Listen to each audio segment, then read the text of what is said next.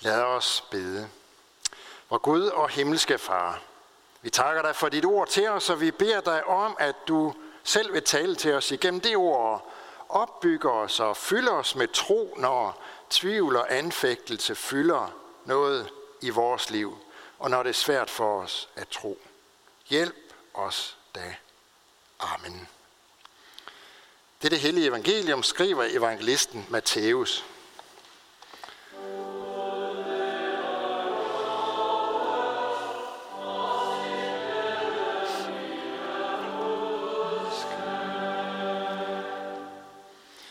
Johannes i fængslet hørte om Kristi gerninger, sendte han bud med sine disciple og spurgte ham, er du den, som kommer, eller skal vi vente en anden?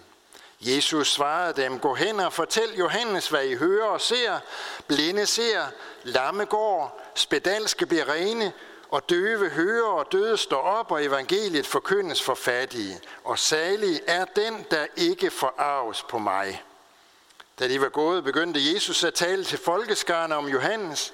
Hvad gik I ud i ørkenen for at se? Et siv, der svejer for vinden. Nej, hvad gik I ud for at se? Et menneske i fornemme klæder. Se, de, der bærer fornemme klæder, findes i kongeslottene. Nej, hvad gik I ud for at se? En profet? Ja, jeg siger jeg, også mere end en profet. Det er om ham, der står skrevet. Se, jeg sender min engel foran dig. Han skal bane din vej for dig. Amen.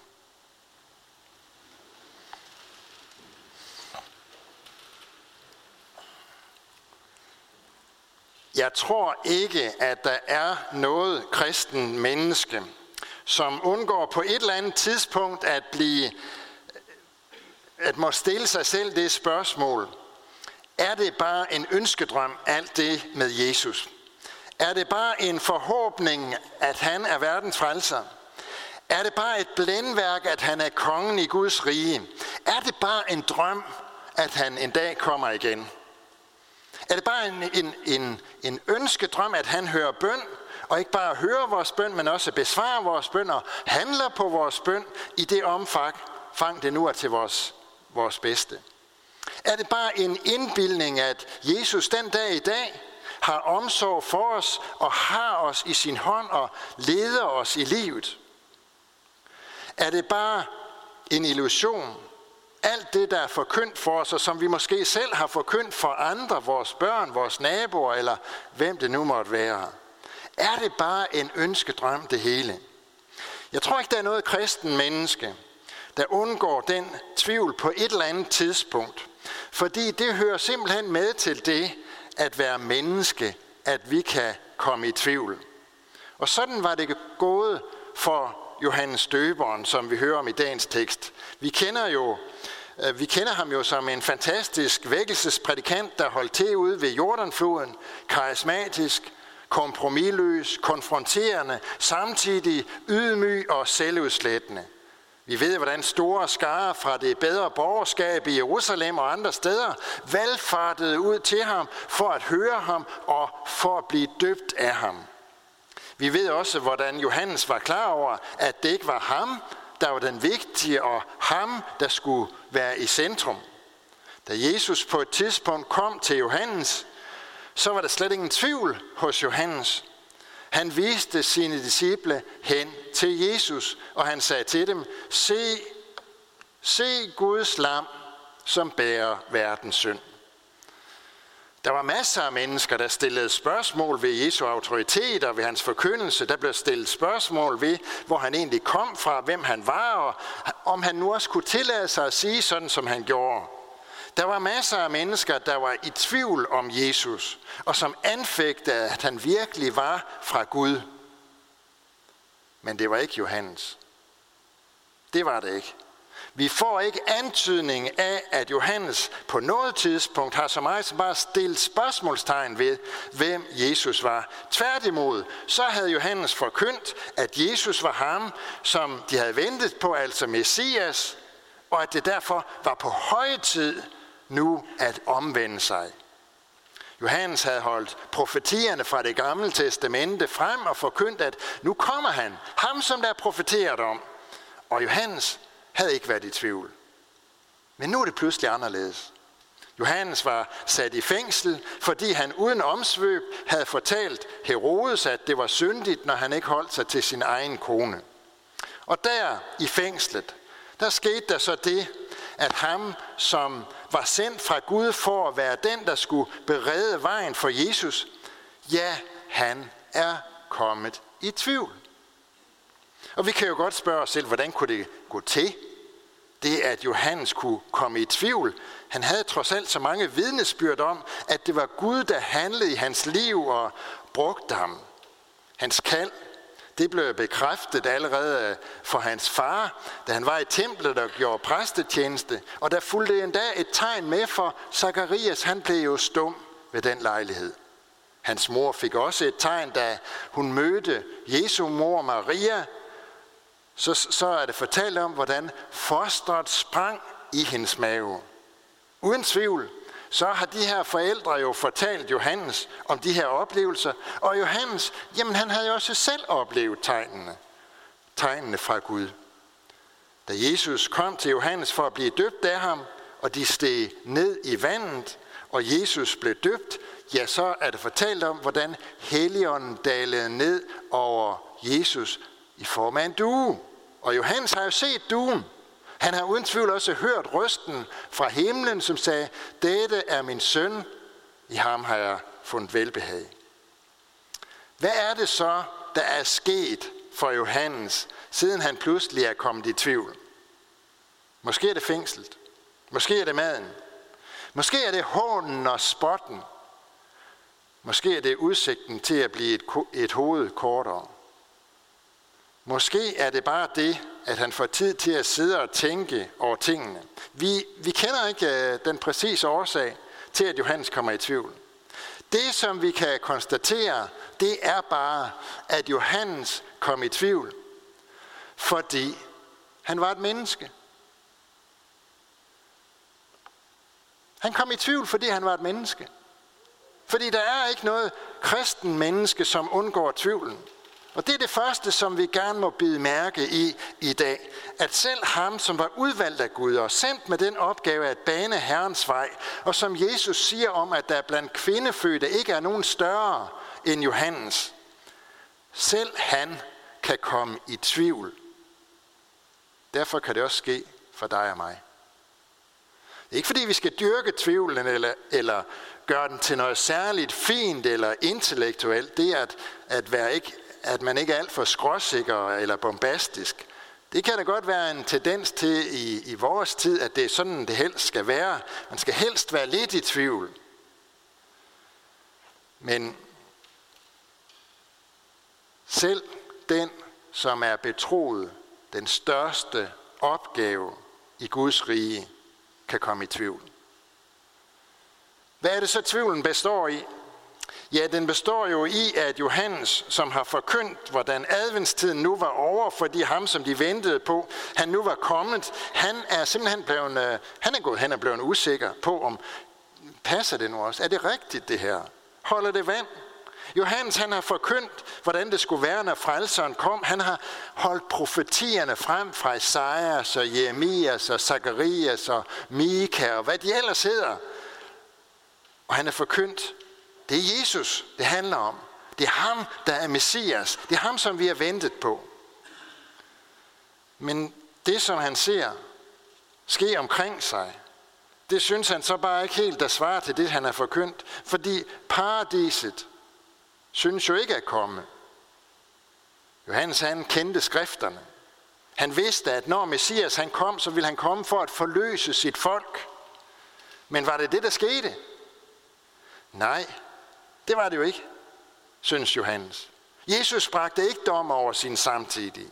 Han fik ikke Johannes ud af fængslet og redde ham fra dødsdommen. Han sørgede ikke for, at evangeliet gik sin sejrsgang hele vejen ud over jorden, uden modstand. Johannes' tvivl opstod, fordi han levede midt i den virkelighed, som vi også lever i. Jesus kom første gang for at skaffe forløsning for sit folk. Det gjorde han, da han døde på et kors for dine og mine og for hele verdens syndere. Det var derfor, der for lidt siden blev tegnet et kors for Oscars pande og for hans bryst, som et, og det blev sagt, at det blev gjort som et tegn på, at han skulle høre sammen med ham, som blev korsfæstet. Jesus kommer anden gang for at forløse verden og os, som vi også hørte om det sidste søndag. Imens så lever vi i så lever vi med sygdom, med lidelse, med død. Der er nogen, for hvem hørelsen svigter. Der er nogen, der mister synet. Der er nogen, der må sørge og græde ved en grav. Der er andre, der lider i sindet. Det er vores tro, at Jesus skaffer os evig forløsning ved sin død på korset. Det er vores tro, at hans død for evigt gør os fri af synden og al dens virkning, fra døden og al dens følger, fra satan og fra alt hans tyranni. Det er vores tro. Men det er også vores tro, at det først en gang i fremtiden er, at Jesus han vil fuldende sin forløsning og befri os fra det alt sammen. Og det er det løfte, som vi kan have så svært ved at tro, når sygdom og lidelser og nederlag og smerter og satan og synden raser og døden holder sit indtog. Så er det ikke nemt at tro. Præcis ligesom Johannes, den største blandt kvindefødte, så lever vi imellem løftet og opfyldelsen. Lad os bare vedgå, det er imellem Indimellem så er det svært. Derfor sniger tvivlen sig ind på os indimellem. Men vi er ikke overladt til os selv. Johannes han kunne sende bud til Jesus fra sit fængsel. Vi kan faktisk gøre det samme. Og vi må gøre det samme. Og det er det andet, som vi godt må bide mærke i i dag – i overført betydning kan vi i hvert fald gøre det. Når, når vi tvivler og fortvivler i satans og syndens og dødens fængsel, ja, så kan vi sende bud til Jesus. Og så er det helt sikkert, at så kommer vi ikke til at gå forgæves. Det gjorde Johannes ikke, det gør vi heller ikke. Da Johannes han sendte bud til sine disciple, eller med sine disciple, til, til Jesus og spurgte, er du den, som kommer, eller skal vi vente en anden? Ja, så svarede Jesus, det svarede lidt mærkeligt egentlig, fordi han svarede, gå hen og fortæl Johannes. Og så skulle de fortælle om, hvad der skete. Hvis vi lukker Jesus ind i vores tvivl og fortvivlelse, så giver vi ham nemlig anledning til at fortælle. Og det, som han fortæller os, det er en forsikring om, at hans løfter holder. Han forsikrer os om, at han virkelig er den, som kommer. Han forsikrer os om, at han vil sætte os fri af fangenskabet. Den trøst lader Jesus disciplen tage med tilbage til Johannes. Den, rum, den rummer to dele. For det første så peger Jesus på skriften, og det der er forudsagt om Messias-tiden.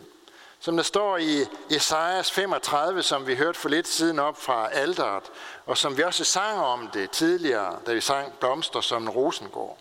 Der skal blindes øjne åbnes og døves ører lukkes op. Der springer den halte som jorden. Den stummes tunge bryder ud i jubel. Vi kunne også tage et andet sted fra profeten Esajas, nemlig kapitel 26. Dine døde bliver levende, deres lig står op. I, der ligger i jorden, skal vågne og juble. Eller kapitel 29. På den dag skal de døve høre, hvad der står i bogen, og de blindes øjne se, trods mulm og mørke. Vi kunne finde mange flere steder. Og Johannes' disciple så jo, at Jesus, han fik de her ting til at gå i opfyldelse. Han fik det til at ske. Gå hen og fortæl det til Johannes. Sådan siger Jesus til dem. Fordi han ved, at så vil Johannes ikke være i tvivl længere. Det som, det som Jesus i virkeligheden gør, det er jo faktisk, at han henviser Johannes til det, der står skrevet. Han henviser Johannes til skriften. Det du ser, det du oplever, hold det sammen med det, der forud er skrevet, og se så, om det passer. Så vil du ikke være i tvivl. Jamen Jesus, han gør det samme ved os. Han henviser os til det samme. Når Jesus vil hjælpe os med tvivlen, så henviser han os til skriften, og det vil sige til Bibelen. Det andet, som Jesus siger til Johannes, for at trøste ham og styrke hans tro, det er en lille, men vigtig sætning. Og det er det tredje som, og sidste, som vi skal bede mærke i dag, men ikke det mindst vigtige. Salig er den, der ikke forarves på mig. Sådan får disciplene besked på at gå tilbage til Johannes og sige, os, der lever som disciple i dag, vi kan også have svært ved at øh, vi kan kæmpe med troen på Jesus og hans ord. Ligesom Johannes. Og nogle gange så fortvivler vi også, fordi vi ved, at troen er vigtig, for det er troen, der frelser. Så så er det, Jesus han i dag vender det hele på hovedet og siger, hør her, min ven, du er salig. Hvis bare du ikke forarves på mig, bare du ikke tager anstød af mig. Og det er jo i virkeligheden evangeliet til os. At hvis bare ikke vi forarves på Jesus, afviser ham, vender ham ryggen, så er vi salige. Så har vi fred med Gud så er vores sag med ham i orden. Uanset hvor meget vi oplever, at tvivlen fylder og anfægter os. Hvis bare du ikke afviser mig, hvis bare du ikke vender mig ryggen, så er du salig, siger Jesus. Det er hans løfte, og derfor kan vi regne med det, ligesom med alle de andre løfter, han giver os. Amen.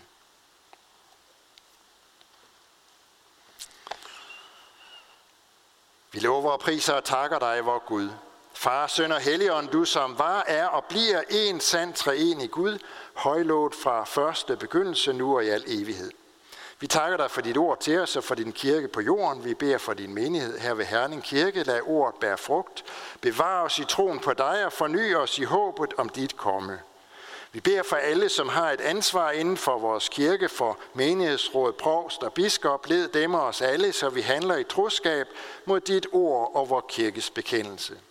Vi beder og kalder den, du der tro tjener og forkynder af dit ord, og vi beder for alle, der går med dit ord, både her hjemme og i det fremmede. Styrk du dem, hold din hånd over dem, og lad deres gerning bære frugt. Vi beder for børnene, som døbes, at de må blive oplært i den kristne tro. I dag beder vi også for Oscar, at han må vokse i tro på dig. Vi beder for konfirmanderne, at de må få lov at se dig, så de aldrig glemmer det. Kald vores børn og unge ind på troens vej og beskærm dem mod alle ødelæggende kræfter. Vi beder for alt sandt folkeligt og kirkeligt arbejde. Vi beder for det kirkelige børnearbejde. Udrust du lederne, velsign du det. Vi beder for vores hjem, vores kære, velsign både ægte folk og enlige til at leve efter din vilje og gode orden. Vi beder for alle, der er sat til at styre vort land, for vores dronning og hele hendes hus, for regering og folketing, for alle, der er betroet et ansvar i stat, region og kommune. Led dem, så de forvalter deres ansvar ret. Men er hos de danske soldater, som er udsendt, og alle, som gør tjeneste for fred og retfærdighed i verden. Hjælp og styrk dem i deres gerninger, hvad nær hos deres kære, som må bære bekymringens byrde. Vi takker dig for livet, og vi beder dig, lær os at værne om det fra de ufødte børn til de gamle og døende. Vær nær hos dem, der har mistet en af deres kære, vi takker dig for alt, hvad du har givet os gennem de mennesker, som vi selv har mistet. Vi beder os om, at du vil være nær hos alle, som er ensomme, være med de syge, de som er i fængsel, de som ikke har noget sted at være, lær os at kende vort ansvar for dem, der lider nød. Alle disse bønder overgiver til dig, Herre, og så takker vi dig, fordi vi ved, at du allerede har hørt vores bøn. Amen.